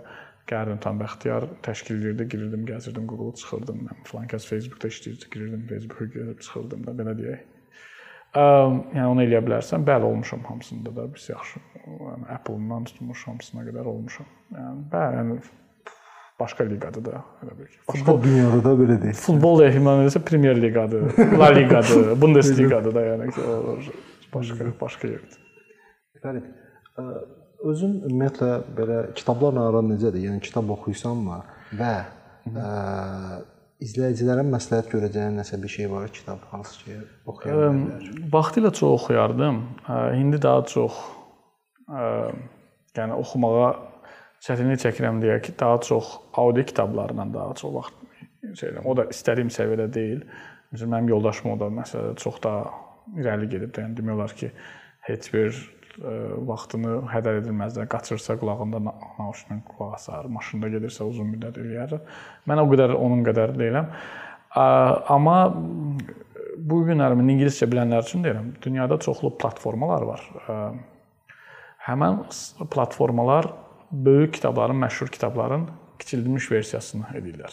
Summary. Qısa versiyası. Hə, qısa, hə, qısa. hə, bəli, bəli, var, var. 15 səhifə tutan. Elədir, Və elədir. tam da düzün deyim, Allah, yəni aç- açırsan bir dənə bu boyda kitab oxursan, yəni o kitabda yəni baxırsan ki, bunun elə mövzusu 15 Məğzi- səhifə, məğzi məğzi 15 ordadır, səhifəlikdir. Prosta bu boyda yaz yaz yaz yazıb da şey. Düz deyən demirəm, yəni ən yaxşı kitablar da belələrdir, amma yəni o mənada ə, məsəl üçün o o platformalardan istifadə edərək, indi onu mən səhv eləmirəmsə ə, şeycə ə, ruscası olur, azərbaycancası da bir nəfərlər eləyirdilər, startap kimi eləmək istəyirlər. Rusca var, ingiliscə var. Rusca var, ingiliscə var. Yəni mən məsələ bilirəm ki, onu araşdırsınlar Google-da elə platformalar üzv olsunlar və hər hansı bir dənə nəhəng bir kitab oxumaqdansa 10-15 səhifəlik tez onu oxusunlar. ə, Belə bəsdir, belə deyim də tam elə məğzi ondadır. Əsas məğzi ondadır. Həyatımı dəyişdirən kitab mənim olub şey, Paulo Coelho-nun Alchemist kitabı. Məsəl üçün o kitab. Sonra The Secret kinosu var idi, bilmirəm baxmısınız. O mənim həyatımı dəyişdirən kinolardan biri olub. Belə. Ondan sonra yəni bioqrafiyalar məsləhət bilərəm oxumaq. Yəni də bu böyük adamların bioqrafiyası çünki onların necə düşündüyü, necə şeylərini. Amma əlbəttə ki, yəni onlarla tanış olmaq başqa, kitabını oxumaq başqa. Ə, yəni mənim hədəfim onlarla tanış olmaqdır. İndi sağdırlarsa da əlbəttə ki.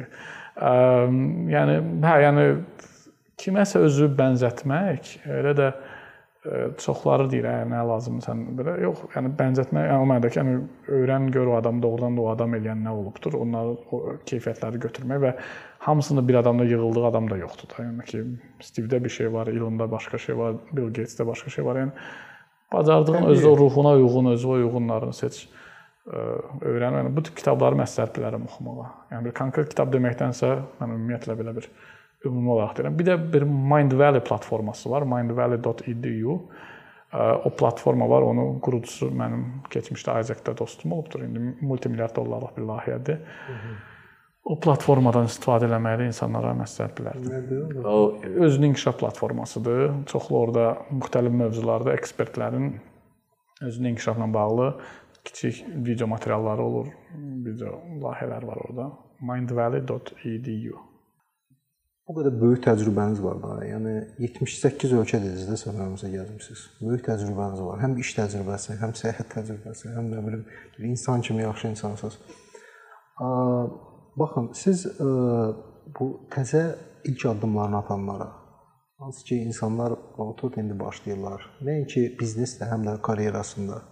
Onlara nə məsləhət görə bilərsiniz ki, indiki bir məsləhət heç olmasa xətəm onları bir pillə yuxarı qaldıra bilsin? Biz nə oxşuyur o? Yəni bir növ ə, həyatı qaranlıq bir otağa bənzətsək və hardansa bir yerdən işıq gəlirsə də və o işıq sənin o nöqtəyə getmək istədiyin bir nöqtədir. İlk öncə hər kəsə ə, o nöqtəni tapmağı, o nöqtəni anlamaq üçün dərinə getməyə məsləhət bilər. Bu da fərqi yoxdur kimsənsən. Taksi sürücüsənmi, yemək bişirənsənmi, iş adamısanmı, dövlət xadimisənmi, kim olsan ol. Yəni hansı vəzifədən nə qədər gəlirliyin var, nə qədər gidərliyin var, heç bir şey fərqi yoxdur da, yəni çünki sonunda bunların heç birinin bir növ heç bir mənası yoxdur belə baxanda da, yəni ki, özümüzün aparası deyilik fərqi yoxdur. 1 dollarımız var, yoxsa 1 milyard dollarımız var. Ona görə o nöqtəni müəyyən etmək, yəni bu okey, bu fiziki dünyada fiziki olduğun vaxtı hansı nöqtəyə getmək istəyirsən. Çünki oranı anlamayandan sonra sadəcə exist edirsən, sadəcə o varsan. Amma birinci onu onu anlayacaq qədər dərinə getsinlər və onu tapdıqdan sonra da birinci kainat işlər elə quracaq ki, həmin nöqtəyə özləri gedəcəklər. O tale dediyimizdə işlər elə alınacaq ki, ora doğru gedəcək. İkinci də ki, daha yaxşı fəaliyyət göstərəcəklər. Yəni yəni adi bir analoq budur. Yəni təsəvvür nöqtəni bilmirsiniz. Fırlanırsınız da, fırlanırsınız da. Yəni, yəni, yəni bu otağı təsəvvür işığını söndürək, heç bir yerdə işıq gəlməsin. Bir nöqtədə bilmirik haradır qapı. Yəni gəlin də hara, hara gəlirik, deyirik divara, deyirik ora bura. Yəni bu cürdə. Yəni prosta da özümüz üçün boş-boşuna enerji xərcləmədir.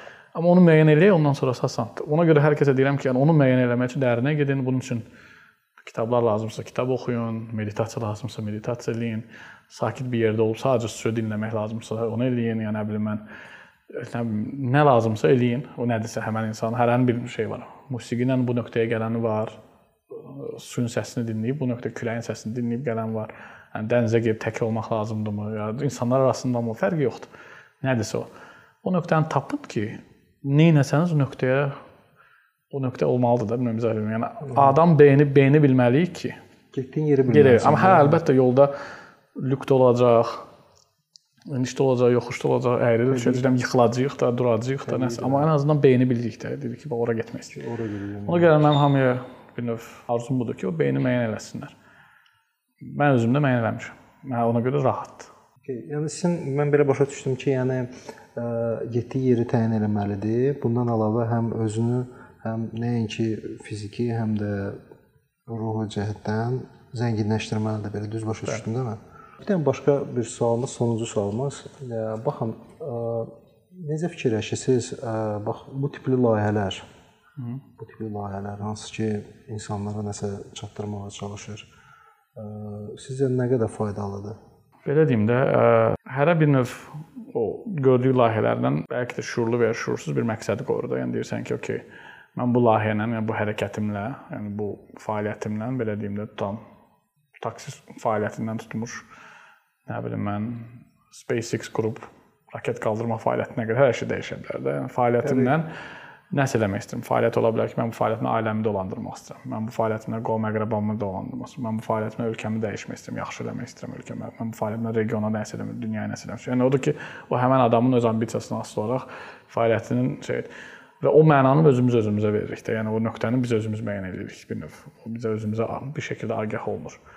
Bunu nəzərə alsaq Fuad, yəni ə, yəni mən hesab edirəm ki, bizim əgər gördüyümüz iş nəticəsində ölkədə qlobal istilənmə qarşısı alınacaq və planetimiz daha yaxşı olacaq yaşaması üçün və yaxud da bizim sərmayə yatırmağımız nəticəsində dünyada plastiklərin sonu gəlib çatacaqsa və yaxud da bizim yaşama qurduğumuz işlər nəticəsində dünya planetlər arası bir insanlıq olacaqsa, yəni Marsda da yaşam olacaq, Ayda da yaşam olacaq və s. də. Yəni bunları bir müsbət kimi görürük. yəni belə deyək də və yəni işte, yəni hesab edirik ki, bu insanlıq üçün çox böyük dəyişikliklərin gətirib çıxardılacaq. Amma yəni dediyim kimi, yəni vaxtilə məsələn mən bunu lokal olaraq görürdüm də. Mən deyirdim ki, okey, mən istəyirəm ki, ölkəmiz daha şəffaf olsun, internetdən ödəsinlər, cəmaət heç hara getməsin, buna vaxt itirməsin, həmin o vaxtı daha dəyərli keçirsin. Elədir də bu. İndi bunu qlobal eləməyə çalışırıq da, yəni ki, başqa cür, başqa şey eləmək istəyirik. Yəni odur ki, yəni hərənin bir layihəsi var, belə deyək. Hmm. Və hər o layihənin də elədiyi bir təsir zonası var. İndi kimdə dəsə deməzdim kiçik, böyük. Kimdəsə budur, kimdəsə odur. Yəni Yəni demək istəyirəm ki, belə deyim də, siz əgər bir gənc olsaydınız, qulaq assaydınız, nəsə nəsə verərdi sizə, məsəl üçün sizin bir müsahibəyə.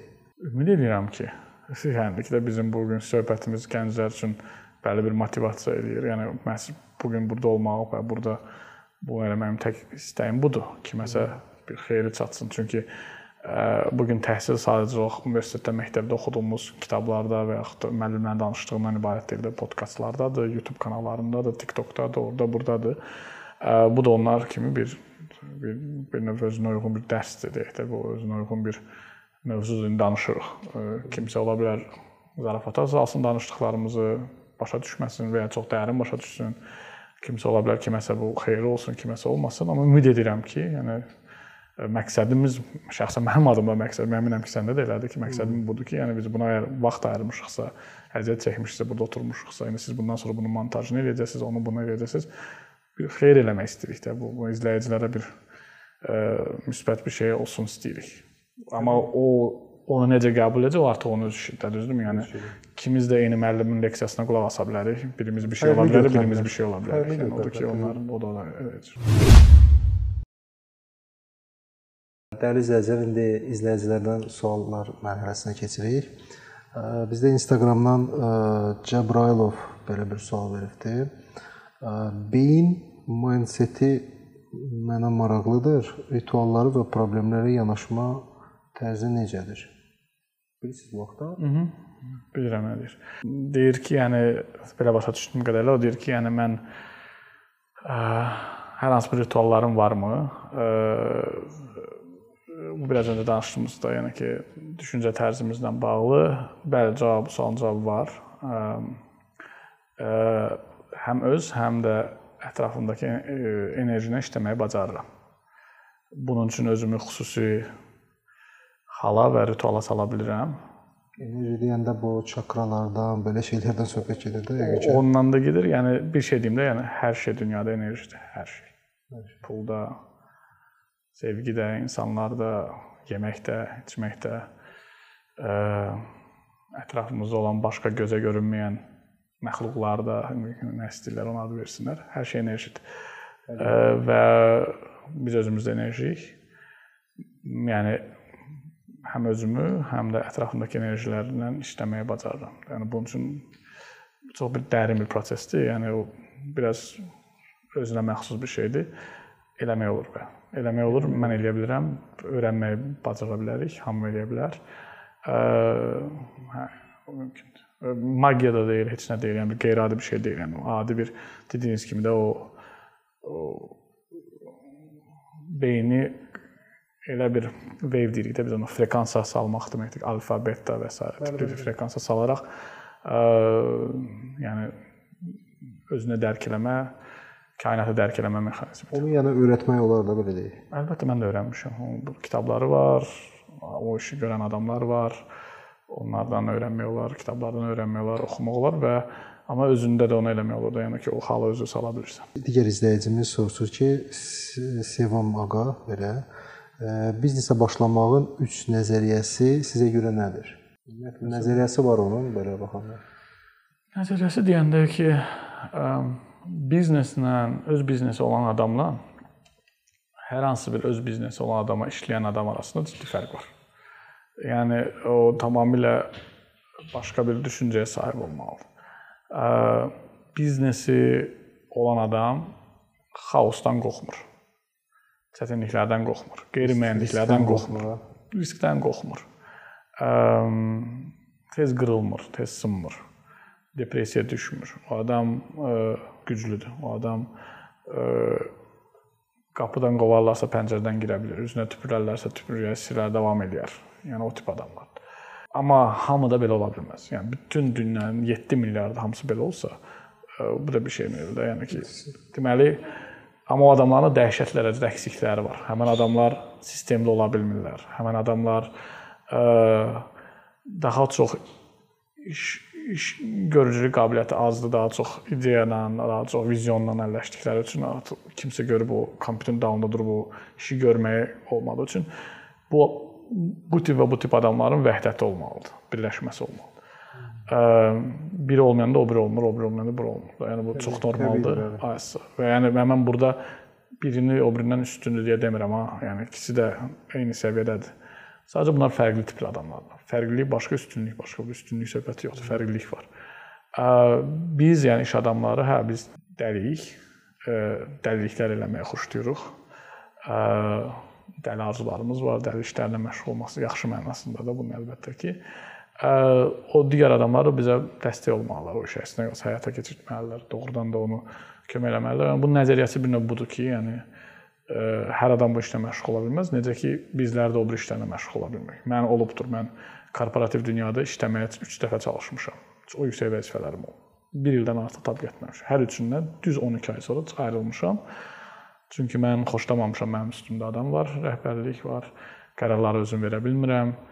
Bürokratiya var, intriqa var, belə belə şeylər. O həmin o orqanizasiyanın kültürünü mən yaratmamışam. Belə şeyləri xoşlamadığıma görə orada qalanmamışam. Halbuki çox qəşəng maaşım olub, çox qəşəng. Maaş məsələsi deyil. Hə yəni ki, amma yox. Bəzi adamlar üçün məsələlərə elə baxırlar. Yəni mənim ətrafımda çoxlu adamlar var ki, məsəl üçün ə, qiymətləndirməsi ə, sadəcə orada olan qazancla qiymətləndirir. Ə, mən isə qısa vadədəki qazancı, uzun vadədəki ə, qazancı dəyişirəm. Nə mənada? Yəni çünki qazanc pul pis bir şey deyil. Yəni o deyir. Yox, təbii, əlbəttə bir şeydir. Pul özü üçün enerjidir. Yəni və nə qədər çox enerjin olsa, o qədər də çox o enerjidən istifadə edə bilirsən. Hə, bunu yəni pis insansansa, pislik üçün istifadə edə bilərsən, yaxşı insansansa, yaxşılıq üçün istifadə edə bilərsən. Amma pul çox böyük bir enerjidir və onun çox olmağının heç bir ziyanı yoxdur. Proses fərqi odur ki, sən onu necə qazanmısan, qısa vadədəmi, uzun vadədəmi, birdənmi, yoxsa əyri yolla mı, düz yolla mı? Bizim seçdiyimiz yol uzun vadə olsun, düz olsun.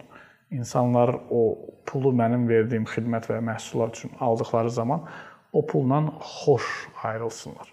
Yəni mən istəmirəm ki, o çünki var əgər sən mənim hansısa bir məhsulumu alırsansa, sən ona pul versən, 100 dollar verdin o 100 dollar sən əziyyət çəkib qazanmısan, enerji verib qazanmısan. Deməli sən mənə bir 100 dollarlıq enerji versən. Əgər sən o enerjini belə də əş Fəridə yenə bunu verdiklə vermək fərqli, amma sevərək ki, burdan gözəl bir məhsul alacağam, gözəl bir xidmət alacağam deyərək verdiyin zaman sən həmin pulla ayrıldığın zaman iki cür enerji ilə ayrılırsan. Və mən istəyirəm ki, mənim verdiyim xidmət və məhsullara görə insanlar o puldan ayrıldıqları zaman xoş ayrılsınlar. Və həmin xoşluq da o işlərin böyüməsinə çıxır. Nə vaxt ki başlayacaqlar belə narazı şəkildə ayrılsınlar, bil ki, ondan zəməli xeyir görməyəcəm mən. Növbəti izləyicimiz e, belə bir sual verir. E, nəyə görə bacarıqlı gənclərə yetərli qədər investisiya qoyulmur? Yəni sual çox geniş sualdır açığı da. Yəni Yox, ki, belə xırda deyil. yəni investisiya qoyulan çoxlu bacarıqlı gənclər də var. Yəni ki də belə deyək. Ə, yəni o gənclər investisiya qoyulanlara, vəpərux o bacarıqlı məsələsini nə qədər bacarıqlıdır məsələsi var. Çünki məsəl üçün bizim tutalım şirkətə müraciət edən Azərbaycan özündən 100-dən çox startapdan cəmi 3-nə 4-ünə sərmayə qoyduq da, yəni ki, vaxt ayırdıq. Biz sərmayə deyəndə təkcə pul sərmayəsi deyil, həm də enerjimizi, vaxtımızı, əlaqələrimizi də qoyuruq ortalığa.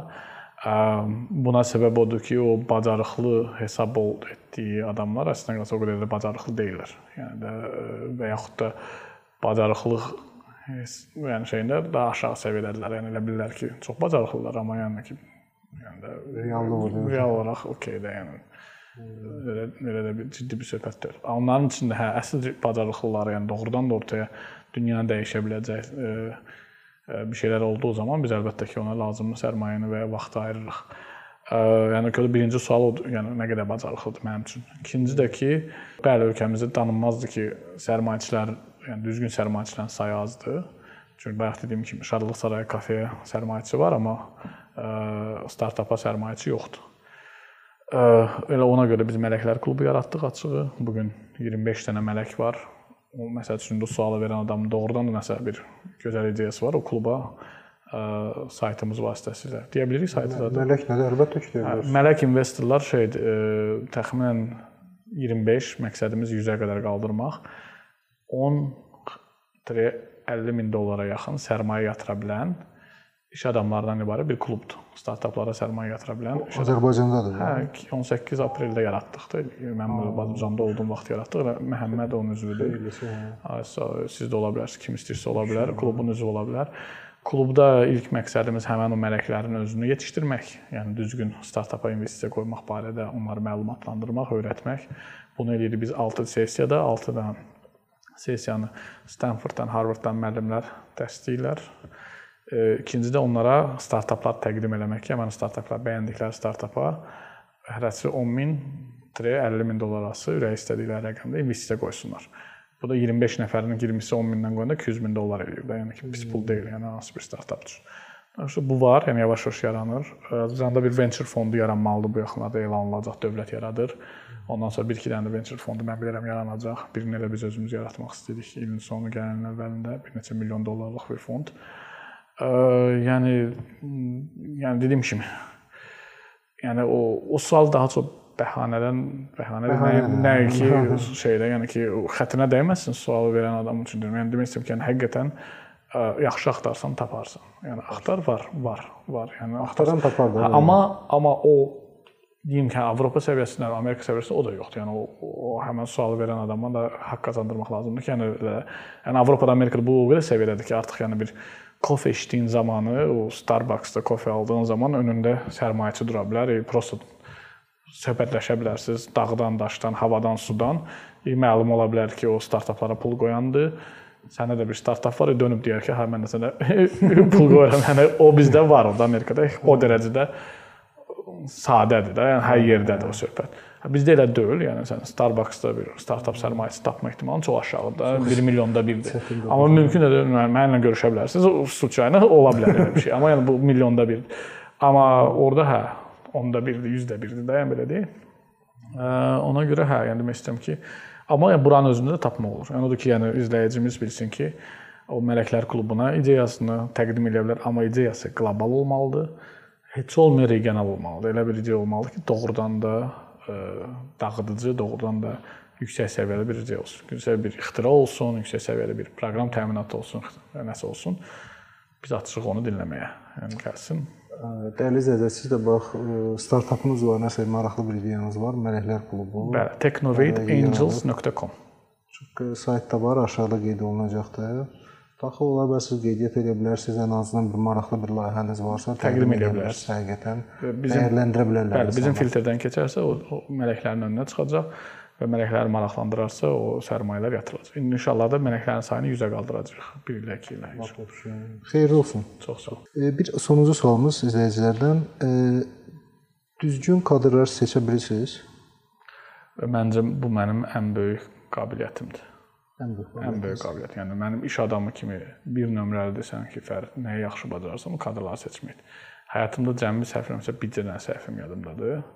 Bircə dəfə səhv eləmişəm kadr seçimində. Qalan Golden Pay, Hesabaz, e-mobile nə uğur varsa hamısı ona görədir ki, düzgün kadrlar seçmişəm. Çünki mən özüm vizioneram, yəni vizyonçu adamam da. Yəni ki, mən nəyi harda nətər eləmək, yəni şey Amma işi görmək qaldığı zaman sənin ətrafında komandan olmalıdır. Tək adam işi deyil. Komanda o komandanı düzgün seçmək, müavinlərin olsun, şey, adi işçilərin olsun, məsələn, hamısını düzgün seçmək o və yəni mən hesab edirəm ki, mənim intervyumla, mənimlə keçən adamların hamısını düzgün seçmək, amma hamısında da standart seçim prosesi olmayıb, indidən deyirəm. Yəni heç birinə yaxşımda, açımda sənin zəif nöqtələrin nədir, sənin güclü nöqtələrin o belə standart suallar, belə şeylər olmur. Hamısı sadəcə söhbət olub, energetik səviyyədə kontakt olub və orada qərar vermişəm ki, mən bu adamla işləmək istəyirəm, yoxsa bu adamla işləmək istəmirəm. Çox sadə və daha adətən də birinci 3-5 dəqiqədə müəyyən eləmişəm qərarımı ki, hə bu adam istəyirəm yoxsa istəmirəm. O da öz o da öz doğru. Ürəyim maraqlıdır. HR-lar üçün çox Hə, yəni Çox ola bilər şey. tənqid edəcəklər, bilirəm də. Yəni ki, çünki o şey oxşur da, birinə bu həkimlər o energetik sağaldan adamlara tənqid Aha, edən kimi tipə də bu da belə bir şeydir. Başa düşürəm, heç bir problem yoxdur. Mən demək istəyirəm ki, mən belə seçmişəm və bu günə qədər də cəmi bir dənə səhvim yadımdadır. çox Belə maraqlıdır. səhv elədim yadımdadır. yəni. Dəyərli izləyicilər, indi test-test suallara keçirik. Fərid bəy, deməli test-test suallarda bu suallarda bu rubrikada da heç bir montaja getmir, olduğu kimi verilir. Yəni sizdən səmimi cavablarınızı gözləyirik. Ə, Sevdiyim musiqi janrı, Trans, ə, diplom yoxsa bacarıq? bacarıq, Sevdiyin avtomobil markası. Tesla, İndiyə qədər çəkilən ən yaxşı kino sənin fikrincə? Interception, Ə, Sevdiyin futbol klubu. Galatasaray, Bavariya, 2 dənə klubum var. Azərbaycanda var. Qarabağ. Bax, ə, ölkə ə, oteldən çıxanda ə, hər birimiz oradan nəsə götürürük də, belə deyə uğrayırıq da. Sən nə uğrayırsan? Düzü heç nə arada sırada götürdüyüm şey diş şotkası olur. Xoşbəxt olmaq ə, sənin üçün nə deməkdir? Kainatla bütünləşmək. 7 vur 9 bərabərdir. 54 yox. Okay, sorry. Ə, 30 necə oldu? Oldu amma səhv elədim. Çox əslində olsa vurma cəlbənim çox güclüdür, amma niyə görə belə oldu bilmirəm. Çox adam sadə suallar verir. Dəqiqə ona görə hesablayım. Aa, 63. Sorry. Yox, problem yoxdur. Yox, yox, yəni yox, riyaziyyatımə güvənərəm. İndi qızım bunu baxanda videoda deyəcək ki, ata gördün bəs belə, amma Baxın, ayaq yoluna telefonla gedənlərə necə baxsan? özümlə gedənəm deyə, yəni əslində yazı çox neqativ baxıram amma yəni mən də gedənəm. Ə, Səncə pulsuz nə qədər yaşamaq olar? Sən nə qədər yaşaya bilərsən? Pulsuz ə, yaşamaq çox çətindir açığı. O çox çətindir. Bir gün maksimum. Bax, ilk sevdiyin xanımla harda tanış olmusan? Bağça, məktəb, universitet, yoxsa iş həyatında? Universitet. İndiyənə kimi bir dəfəyə qazandığın ən böyük məbləğ. Yəni mən də bir nəfə qazandım. Yəni bir dəfəyə əlinə götürübsən də ən belə də ən böyük məbləğ. Fiziki əlimə çox məbləğ götürməmişəm çünki həmişə bank hesabına köçürmələrlə zətlər yəni mən nağd Qazanmısan da dedim, dedim ki, qazandım ən böyük məbləğ. 1 milyon.